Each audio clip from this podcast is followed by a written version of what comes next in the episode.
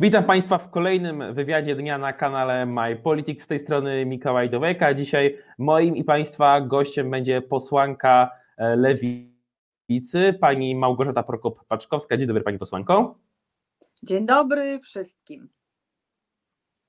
Na początku zachęcam naszych widzów do zadawania pytań do naszego dzisiejszego gościa na czacie. Najciekawsze z nich zostaną zadane pod koniec naszej dzisiejszej rozmowy, a teraz przejdziemy do aktualnych spraw, które dzieją się w polityce, przede wszystkim w polityce międzynarodowej. Możemy zacząć od tematu, który e, nie schodzi z ust e, wszystkich od wczoraj, czyli od tematu Afganistanu, od tematu wkroczenia talibów do Kabulu. E, wiele mówi się o ewakuacji współpracowników polskich w Afganistanie. Wiele mówi się o tym, co to oznacza do tego kraju, e, taka zmiana władzy politycznej i jak szybko to się stało, ponieważ to praktycznie w przeciągu tygodnia talibowie przejęli de facto faktyczną władzę w tym państwie. W związku z tym prosiłbym o krótki komentarz Pani względem e, tego, co się tam dzieje i jak Pani myśli, jak to wpłynie na przyszłość tego kraju, ale też może całego regionu i jak Polska i cały Zachód powinien zareagować na te wydarzenia? Sytuacja w Afganistanie jest na pewno dramatyczna. Szczególnie my, kobiety, patrzymy na tą sytuację tragiczną dla kobiet afgańskich, dla dzieci, dla wolności obywatelskich. Wszyscy fundamentaliści religijni y, są fanatykami, którzy niszczą wolność ludzi a fundamentaliści islamscy w szczególności. Słyszeliśmy już od kilku tygodni, że oni e, obejmują coraz większe Też przestrzenie. Jeszcze można dopowiedzieć o tym, że tam już są e, zdjęcia z Kabulu, gdzie zamazuje się na, na przykład, zamalowywuje się e, z witryny salonów beauty e, po prostu, ponieważ są na nich kobiety, które powiedziałbym nie są e, w tradycyjnym ubiorze, tak, tak. więc to już się dzieje tak naprawdę, to już się dzieje, to nie jest tak, już, już przyszłość, tylko to już się dzieje w Afganistanie. Widzieliśmy, że oni nadchodzą, że obejmują coraz większe przestrzenie kraju. E, myślę, że mm, no, opinia publiczna międzynarodowa wstrzymywała oddech, ale było za mało działań. Ameryka miała wysłać tam jakieś 5 tysięcy żołnierzy. Nie wiem, czy oni w ogóle zdążyli tam dotrzeć, ale wniosek jest taki, że przede wszystkim błędem było wycofanie e, amerykańskich i, i, i innych sojuszniczych żołnierzy, że ten kraj jeszcze sam z demokracją sobie nie poradził i że ludność, której tej demokracji potrzebuje, pragnie, chce, jest teraz no, w tragicznej sytuacji. Wręcz należy obawiać się o ich życie. Co teraz należałoby zrobić? No, chyba jak najprędzej te wojska powinny tam powrócić. To oczywiście oznacza wojnę. Wojna jest najgorszym rozwiązaniem, jakie, jakie nas spotyka ale czasami ta wojna jest nieunikniona, aby ratować życie, aby ratować kobiety. Także mężczyzn trzeba z powrotem tamte wojska sprowadzić. Najpierw kogo się da, jak najszybciej należy ewakuować. Tutaj kraje powinny się porozumieć, czy to za pośrednictwem e, ONZ-u, czy innych organizacji. E, Stany Zjednoczone, mam nadzieję, że prowadzą już rozmowy ze swoimi sojusznikami My w Afganistanie zginęło 43 naszych żołnierzy, kilkuset było rannych, jedna osoba cywilna pomagająca, wspomagająca ten kontynent, e, kontyngent, mm, więc ten cały wysiłek nie może pójść na marne.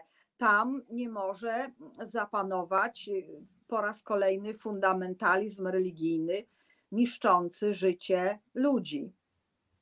Natomiast można powiedzieć, że amerykańskie interwencje na Bliskim Wschodzie, no niestety kończą się najczęściej porażkami, to sromotnymi e, porażkami. Oczywiście możemy tutaj się spierać o e, dalekosiężną politykę zagraniczną Stanów Zjednoczonych, bo zazwyczaj oni osiągają swoje cele, jak na przykład w Wietnamie teraz nie ma de facto komunizmu, tak, jest tylko de jure. Natomiast mimo wszystko, fakt faktem, nikt chyba nie spodziewał się aż tak ogromnej klęski i czy to na przykład może nie uderzać w wiarygodność Stanów Zjednoczonych jako tego tak zwanego stróża, takiego policjanta świata, taka kolejna porażka. Tak, Stany Zjednoczone no, popełniały błędy i popełniają błędy, e, ale w tej chwili sytuacja jest tak dramatyczna, że żeby ratować życie ludzi, trzeba e, coś zrobić. E, to, czy w Wietnamie, czy w innym kraju po takiej wojskowej interwencji ustrój tego kraju będzie bardziej gospodarczo liberalny, czy mniej, to już jest jakby y, mm, i decyzja później tego kraju, ale najważniejsze jest życie ludzkie. Najważniejsze jest to, żeby ludzie tam nie ginęli z powodu fanatyzmu religijnego, bo przecież wiemy, że ci talibowie wpadają i obcinają głowy ludziom, mordują mm, z karabinów maszynowych tych, którzy nie chcą być tacy jak oni.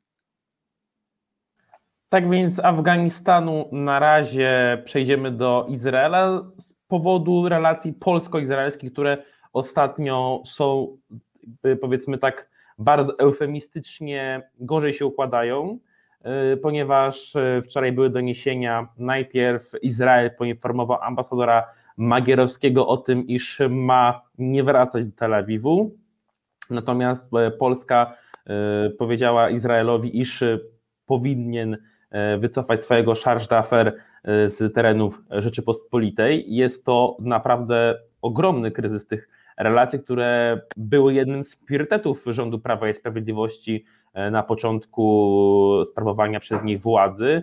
W związku z tym, jakby Pani skomentowała to, co się dzieje w ostatnich latach na linii Tel Awiw-Warszawa i czy jest jakakolwiek nadzieja na poprawę tych relacji, wydaje się na razie, że jest ona albo znikoma, albo nie ma jej wcale. E, tu należy zacząć od tego, że obecna ekipa rządząca, czyli Prawo i Sprawiedliwość i jej koalicjanci, nie mają żadnych talentów dyplomatycznych. My nie mamy dobrych relacji już chyba z nikim, nawet z Czechami nie mamy dobrych relacji, bo nasz rząd lekceważył, kpił sobie E, żądania Czecho, Czechów e, w sprawie Turowa. E, nasz rząd uważa się za pępek świata, wie wszystko najlepiej i tak to się kończy. Było kryzys z Izraelem, mieliśmy już poprzednio, kiedy chodziło o ustawę związaną z IPN-em. Teraz mamy kolejny kryzys, nie wiem czy większy, czy porównywalny nasz rząd nie potrafił w żaden sposób komunikować, dlaczego zależy nam na tej ustawie, która teraz została wprowadzona, mm, jakie są szczegóły tej ustawy. Nie Ale to przypadkiem może nie chodzi o komunikację, tylko o to, że ta ustawa uderza w fundamentalne zasady polityki zagranicznej Izraela, która opiera się właśnie na odzyskiwaniu mienia po y, ocalałych z Holokaustu, czy też y, rodziny, których których członkowie zginęli w ramach Holokaustu, nawet jeżeli one często są bezpodstawne, jeżeli nawet tak naprawdę tego już potem te kamienice nie stały, tylko je po prostu były odbudowywane po wojnie w Polsce. I no ale dlatego tutaj jest nawet, może nie, nie zawodzie komunikacja, ale my. Tak, tylko że bardzo ciężko będzie znaleźć w tym wypadku. No ale w ogóle nie podejmowano prób Bardzo ciężko będzie znaleźć w tym wypadku porozumienie. szczeblu. Może trzeba było premiera Izraela zaprosić do Polski, zrobić jakąś debatę, e, e, e, a nie tupać nóżkami, tak jak to robi nasz rząd, i nie oglądać się na nic innego. My oczywiście może jako Polacy, może być to, nasi obywatele, może być to prawda, tylko że i to jest kwestia. Musimy mieć prawo do tego, aby czuć się bezpiecznie w domach, w których mieszkamy. Szczególnie chodzi tu o Warszawę. Pani posłanko, Wojna- pani posłanko zanim, zanim e, Pani posłanko, jedno krótkie pytanie, zanim zaczniemy jeszcze rozwijać tę myśl. E, Króciutkie. e, Co do, bo, bo Mhm. wszystko wynika z nowelizacji kodeksu e, postępowania administracyjnego. Senator Konieczny z Polskiej Partii Socjalistycznej wypowiadał się dla nas, e, dla My Politics pod Sejmem, iż on mimo tam może paru usterek tej ustawy ogólnie ją e, popiera. Wydaje Tak. się, że na lewicy też e, ogólnie jest dla tej, e, dla tej nowelizacji poparcie. W związku z tym rozumiem, że pani popiera tą, tą zmianę. I teraz Tak, pytanie, oczywiście. ponieważ e, Izrael My pod żadnym pozorem tej ustawy nie poprze, tej nowelizacji nie poprze. My musimy mieć pewność, że w domach, w których mieszkamy, nikt im na, na tych domów nie odbierze. E, Ludzie je odbudowali e, i muszą w nich spokojnie mieszkać. Nie może być tak, że zgłaszają się e, jacyś spadkobiercy, którzy już zmarli wiele lat temu. E, Takie mm, przypadki się zdarzały. Było to pewnie też z winy różnych dziwnych e, kancelarii adwokackich, które przyjmowały takie jakby zlecenia na odzyskiwanie majątku przez osoby, które dawno nie żyją. Więc e, działy się rzeczy straszne dla obecnych mieszkańców i to musi być uporządkowane, ale trzeba wcześniej prowadzić otwartą politykę, komunikować się z innym krajem i tłumaczyć, dlaczego tak, a nie inaczej musimy postąpić. W takim razie z polityki polsko-izraelskiej, która wydaje się być na razie nierozwikłaną zagadką, czy to dla Ministerstwa Spraw Zagranicznych, czy to dla naszych parlamentarzystów, choć miejmy nadzieję, iż te relacje się poprawią, możemy przejść do dwóch wypowiedzi, które ostatnimi czasy wstrząsnęły polskim internetem, między innymi wypowiedź e, pani kolegi parlamentarnego z klubu parlamentarnego Lewicy, pana posła Macieja Gduli, który powiedział, iż Polacy są współprawcami Holokaustu, czy też e, wypowiedzi pana posła Artura Łąckiego z Koalicji Obywatelskiej, który stwierdził, iż w Polsce powstały obozy śmierci, gdyż to w Polsce był największy antysemityzm w Europie przed II wojną światową. I jak pani by skomentowała te słowa, tym bardziej wypowiedziane w takiej napiętej sytuacji międzynarodowej, gdzie, tak jak już zresztą stwierdziliśmy, mamy coraz mniej sojuszników na arenie międzynarodowej. Takie głosy z wewnątrz Polski mogą jedynie podważyć polskie stanowisko. Czy, czy nie uważa Pani, że po prostu czasami należy się wstrzymać przed takimi przemyśleniami w przestrzeni publicznej, po prostu dla dobra publicznego, dla dobra ogółu? Może rozdzielę te dwie wypowiedzi zacznę od tej drugiej, czyli od posła Łąckiego, który w dość brutalny sposób powiedział o tym polskim antysemityzmie przed II wojną światową. Ten antysemityzm był, do dzisiaj zachowały się czasopisma i, i jest wiele dowodów na to, że ten antysemityzm był. My niestety jako społeczeństwo wciąż nie potrafimy zmierzyć się z tym trudnym tematem.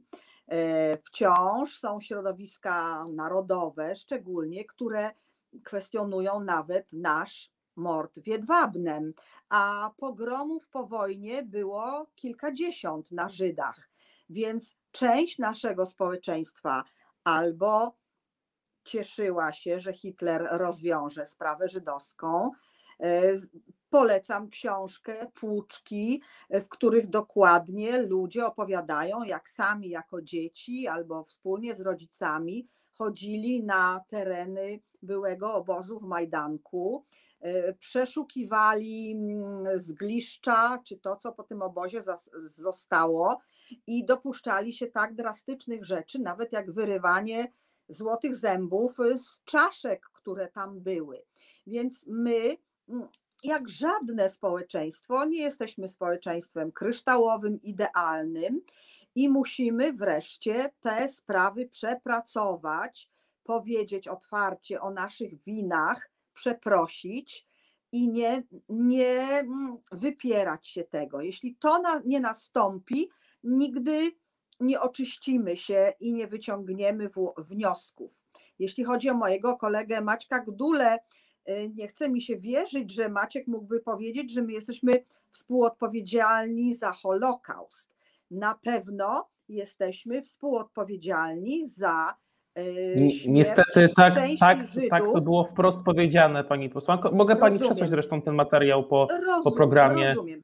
Y, to, co ja mogę powiedzieć, na pewno jesteśmy odpowiedzialni, my jako Polacy, jako obywatele, Polacy katolicy, za śmierć obywateli y, Polaków mieszkających w Polsce wyznania mojżeszowego albo w ogóle tylko pochodzenia ale w jaki sposób jesteśmy odpowiedzialni?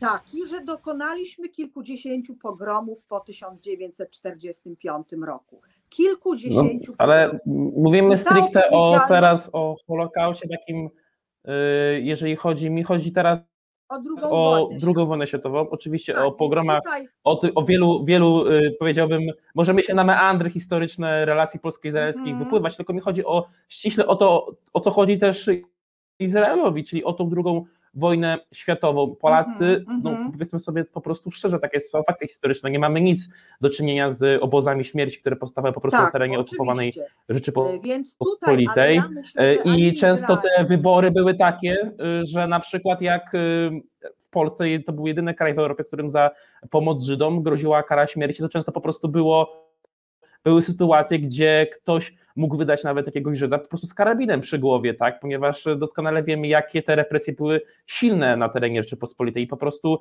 mm, to jest kwestia tego, że takie słowa mogą być y, bardzo skrzętnie wykorzystane przez ludzi, którzy na przykład chcieliby, żeby taka nowelizacja kodeksu postępowania administracyjnego nie weszła w Polsce y, i żeby właśnie argumentować e, takie, takie stanowisko takimi właśnie słowami. I po prostu, czy nie mogłaby Pani tak po prostu, nie wiem, e, się określić, że na przykład nie zgadza się Pani ogólnie z tymi słowami, czy. Już tak, się określam. W sensie takim, że to są. Polacy byli ofiarami II wojny światowej, byli ofiarami Hitlera. Hitler pewnie z premedytacją te obozy głównie lokował na naszym terenie z tego powodu, że logistycznie było mu wygodnie, bo i na naszych terenach e, dawnej Rzeczpospolitej mieszkało dużo osób narodowości żydowskiej. Byli też przywożeni, przywożeni Żydzi z Węgier.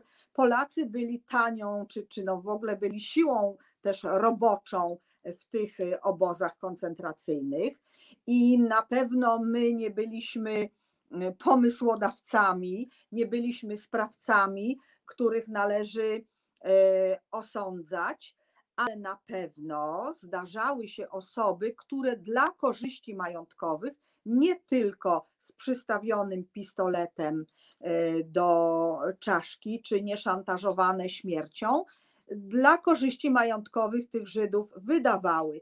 Też są Y, od relacje jeszcze żyjących, czy relacje. Dokładnie, tylko że tak samo występowało po stronie y, Żydów, iż byli kolaboranci żydowscy, czy to y, z tak, Armią Czerwoną, czy to nawet tak zdarzało się z hitlerowcami. Tak więc to jest kwestia. ludzie w czasie wojny reagują różnie. Wszyscy mamy różną kondycję psychiczną, moralną, jesteśmy w różnych sytuacjach. Jedni wytrzymują więcej, inni wytrzymują mniej. Nie wszyscy byliśmy bohaterami jako Polacy, chociaż wielu z nas oddało życie bohatersko w czasie, w czasie II wojny światowej, a niewątpliwie najwięcej sprawiedliwych wśród narodów świata.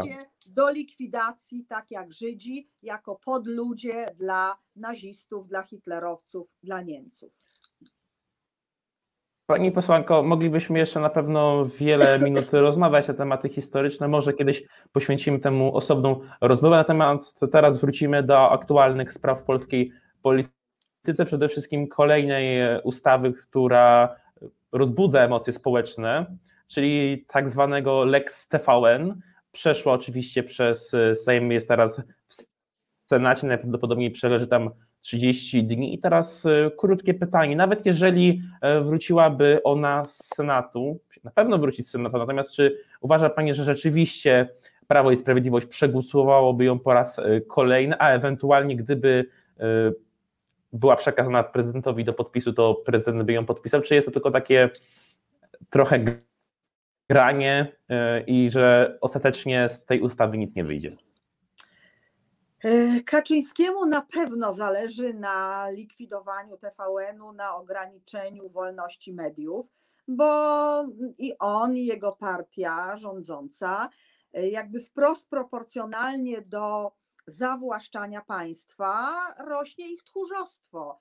Oni się boją, że przegrają, że ktoś ich rozliczy. Mają tubę propagandową w TVP, mają radio, zawłaszczyli media regionalne, ale ze strachu ciągle im za mało, za mało, za mało. Kaczyński, jak wiemy, jest człowiekiem, który nie zna świata, nie zna Europy, boi się wolnych ludzi, nigdzie nie podróżuje, więc to, co mu się roi w głowie, jest przerażające. Na pewno, mm, ale są wokół niego ludzie, no na pewno trzeźwiej myślący.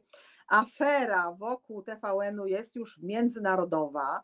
Na pewno współpracownicy prezydenta rozmawiają z nim. Na pewno rząd Stanów Zjednoczonych, kongresmeni, no, różnymi kanałami próbują to powstrzymać, również ze względów gospodarczych, bo jest to duża inwestycja amerykańska. Więc dużo się na pewno dzieje, na pewno o wielu rzeczach nie wiemy. To, co dzisiaj wyczytałam, TVN już uzyskał koncesję w Holandii i gdyby nawet e, TVN24 nie dostał tej koncesji, nie została przedłużona, będą nadawać z Holandii. Na pewno to, co się dzieje w Polsce i chęć zlikwidowania tego medium, tej stacji telewizyjnej, jest tak ważną jakby sprawą międzynarodową, że Amerykanie nie mogą w tej chwili już odstąpić, bo to jest coś na kształt, no w pewnym sensie ten TVN jest jakimś, jakąś wolną Europą, którą kiedyś było Radio Wolna Europa w Polsce, w której tak źle się dzieje. Więc opinia publiczna międzynarodowa i różne gremia na pewno będą robić wszystko, żebyśmy nie zostali pozbawieni tej stacji telewizyjnej. Jakim sposobem i jak to się w końcu skończy? Czy to prezydent zrobi ten krok w tył? Może Prawo i Sprawiedliwość chciałoby, żeby oni w jakiś sposób wyszli z twarzą, no to prezydent powstrzyma tą haniebną ustawę. Ale nie wiem, naprawdę nie wiem, jak to się skończy po stronie Ale jeżeli, rządowej. Pomijając y, proces legislacyjny, y, jeżeli chodzi o TVN, czy stwierdzenie, iż TVN to jest radio wolna Europa dzisiejszych czasów nie jest trochę przesadzone, ponieważ za PRL po prostu nie można było tworzyć żadnych nowych mediów. Oczywiście w rankingu wolności mediów Polska regularnie spada od 2015 roku, to jest fakt. Natomiast mimo wszystko sytuacja nie jest tak drastyczna. Nie żyjemy w państwie, w którym jest dozwolone istnienie tylko jednego e, kanału informacji. Dowodem na to może być na przykład MyPolitics, które powstało e, całkiem niedawno i mówimy to, co po prostu chcemy. Czy nie uważa Pani, że jest to może jednak trochę po prostu przesadzone i że mimo wszystko, mimo kontrowersyjności tej ustawy, emocje społeczne wokół niej są trochę zbyt mocno rozbuchane i dochodzi do takich sytuacji, jak na przykład pod Sejmem, gdzie zaatakowano posła Sośnierza, który nie głosował przecież za tą e, ustawą. Czy nie uważa Pani, że jednak e, moglibyśmy się wznieść na trochę wyższy poziom tej debaty publicznej pod tym względem, że żeby nie rozbudzać tak bardzo tych emocji, żeby tego jeszcze bardziej nie eskalować, bo doskonale wiemy, że sytuacja w Polsce w ostatnich latach jest y, całkiem napięta.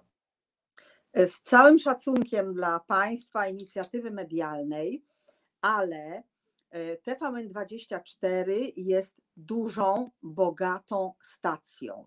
Żeby zrobić materiał śledczy, na przykład wy, pokazujący przekręty rządowe, takie jak e, respiratory, żeby zrobić duży film o pedofilii w polskim kościele, trzeba na to ogromnych pieniędzy. Wiele lat byłam dziennikarką w TVP i wiem, ile kosztuje produkcja telewizyjna. Radio, internet to są media dużo tańsze dobra telewizja wymaga ogromnych środków, a żeby dziennikarz czuł wsparcie swojej stacji, żeby ta stacja miała pieniądze na ewentualne procesy i na produkcję takich materiałów jako pedofili w kościele, musi być to stacja bogata. Właśnie dlatego Kaczyński zostawi My Politics, proszę bardzo, jako kwiatek do kożucha, niech tam sobie gdzieś ktoś to obejrzy,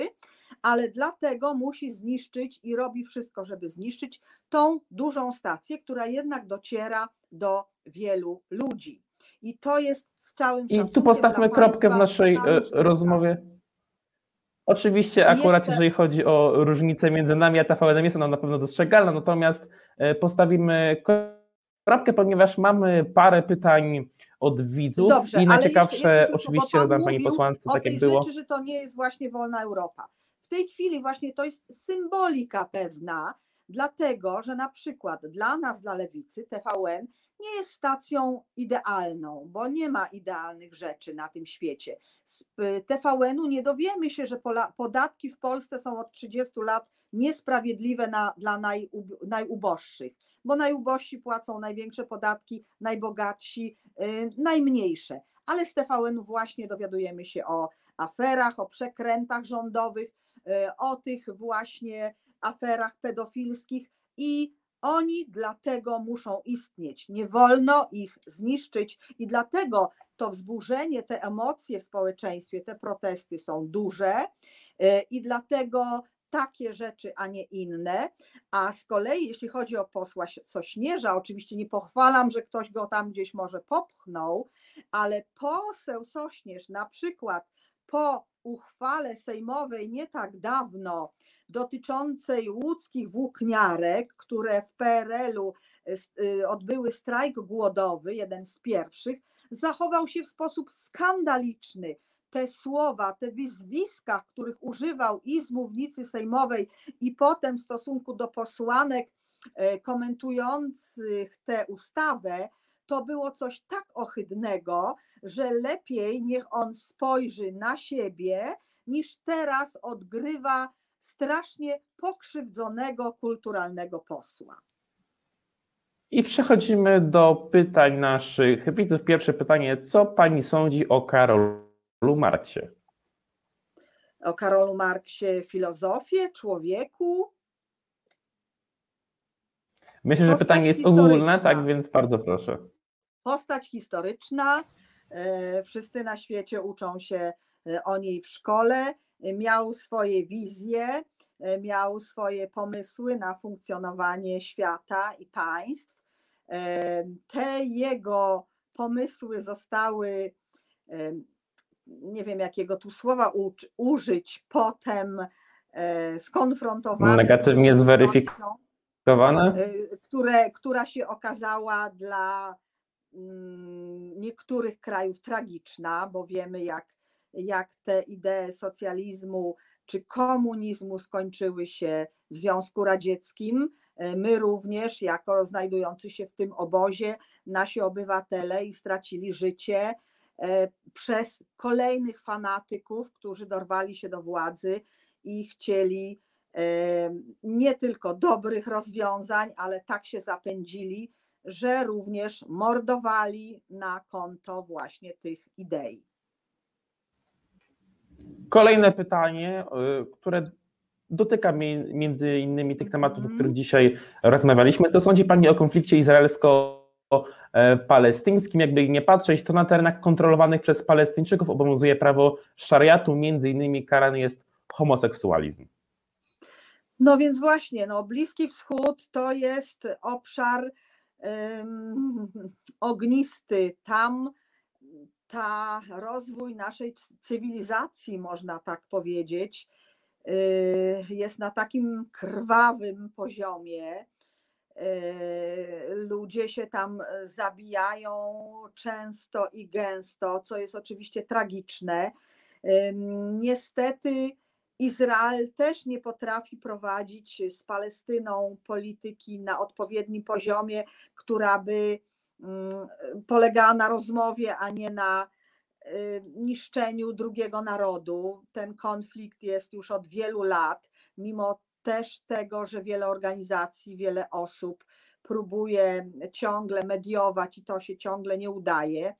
Więc to są tereny trudne, zapalne i aż strach pomyśleć, co tam w tej chwili będzie się działo. I na koniec wracamy do Europy. Czy jest Pani za federalizacją Unii Europejskiej? E, ja mm, jestem zwolenniczką tego projektu, który nazywa się Unia Europejska. Jestem entuzjastką tego projektu. E, uważam, że dzięki temu od tylu już lat nie ma w Europie wojny. E, zyskujemy gospodarczo i ja osobiście byłabym za federalizacją. Uważam, że tylko jeszcze bardziej zjednoczona, e, spójna Europa e, może poradzić sobie, czy na równi konkurować z tymi ogromnymi gospodarczo w tej chwili e, wyłaniającymi się liderami jak Indie, Chiny i sami właśnie państewka, małe narodowe państewka, o czym ciągle marzą nasi nacjonaliści, żebyśmy tu się odgrodzili e, łańcuchem różańcowym i byli tym małym narodowym państewkiem. To już jest czas miniony wieku XX, wręcz XIX. Europa nie ogranicza naszej kultury, naszego języka, naszych tradycji, nawet naszej religii, ale pewne rzeczy e, można uwspólnić, chociaż widać, że część naszego społeczeństwa tak jak bardzo szybko przyzwyczaiła się do korzyści gospodarczych płynących z Unii Europejskiej, nie chce zaakceptować wartości, które Unia niesie, e, które są jakby w DNA Unii, czyli tej równości dla wszystkich, niezależnie od płci, od orientacji seksualnej. E, to jest dla nas Polaków, dla części Polaków trudne. Edukacja szwankuje. Czarnek absolutnie tego nie ułatwi, żeby Polacy zrozumieli, że chociaż ludzie są różni, wszyscy są równi, e, więc będzie nam bardzo trudno. E, ale jestem entuzjastką Unii Europejskiej. Oczywiście nie popieram tego, aby Unia e, narzucała nam, jakie ogórki, jakiej długości mają być, czy banany, bo takie śmiesznostki się zdarzały ale mm, korzyści i, i ta idea wspólnej Europy jest dla mnie piękna, wspaniała. Obe, sama kocham Europę, uwielbiam po niej podróżować. Ro, zaczęłam to robić, jak tylko otworzyły się granice w 1990 roku, czyli my po 1989. Pierwsza podróż do Paryża i gdzie tylko mogę podróżuję. Czuję się wszędzie wspaniale w Unii Europejskiej e, i myślę, że życzę polskim nacjonalistom więcej kontaktów z, z Europejczykami, Kaczyńskiemu chociaż jednej podróży po Europie, żeby zobaczył, jaka jest piękna, jak można z niej czerpać, z jej wielokulturowości, wielonarodowości i otwartości na wszystkich ludzi. I akcentem unijnym kończymy naszą dzisiejszą rozmowę. Bardzo dziękuję naszym widzom e, za wizytę i naszemu dzisiejszemu gościowi, którym była pani posłanka Małgorzata Prokop-Paczkowska. Dziękuję bardzo. Dziękuję bardzo, a jeszcze zapraszam Państwa, bo trwa objazd posłanek lewicy po Polsce. W najbliższy weekend ostatni akord Pomorze, Pomorze Gdańskie i Pomorze Zachodnie. 22 spotykamy się w Kołobrzegu i w Szczecinku na piknikach kobiet lewicy, polityczek lewicy. Skoro już zapraszamy, to zapraszam Państwa jeszcze na kanał My Politics Extra, gdzie jest nowy odcinek serii Co myślę o polityce, tym razem o Lex TVN, między innymi z wypowiedzią pani posłanki Prokop-Paczkowskiej. Za dzisiejszy wywiad jeszcze raz bardzo dziękuję, do zobaczenia, do usłyszenia już niedługo.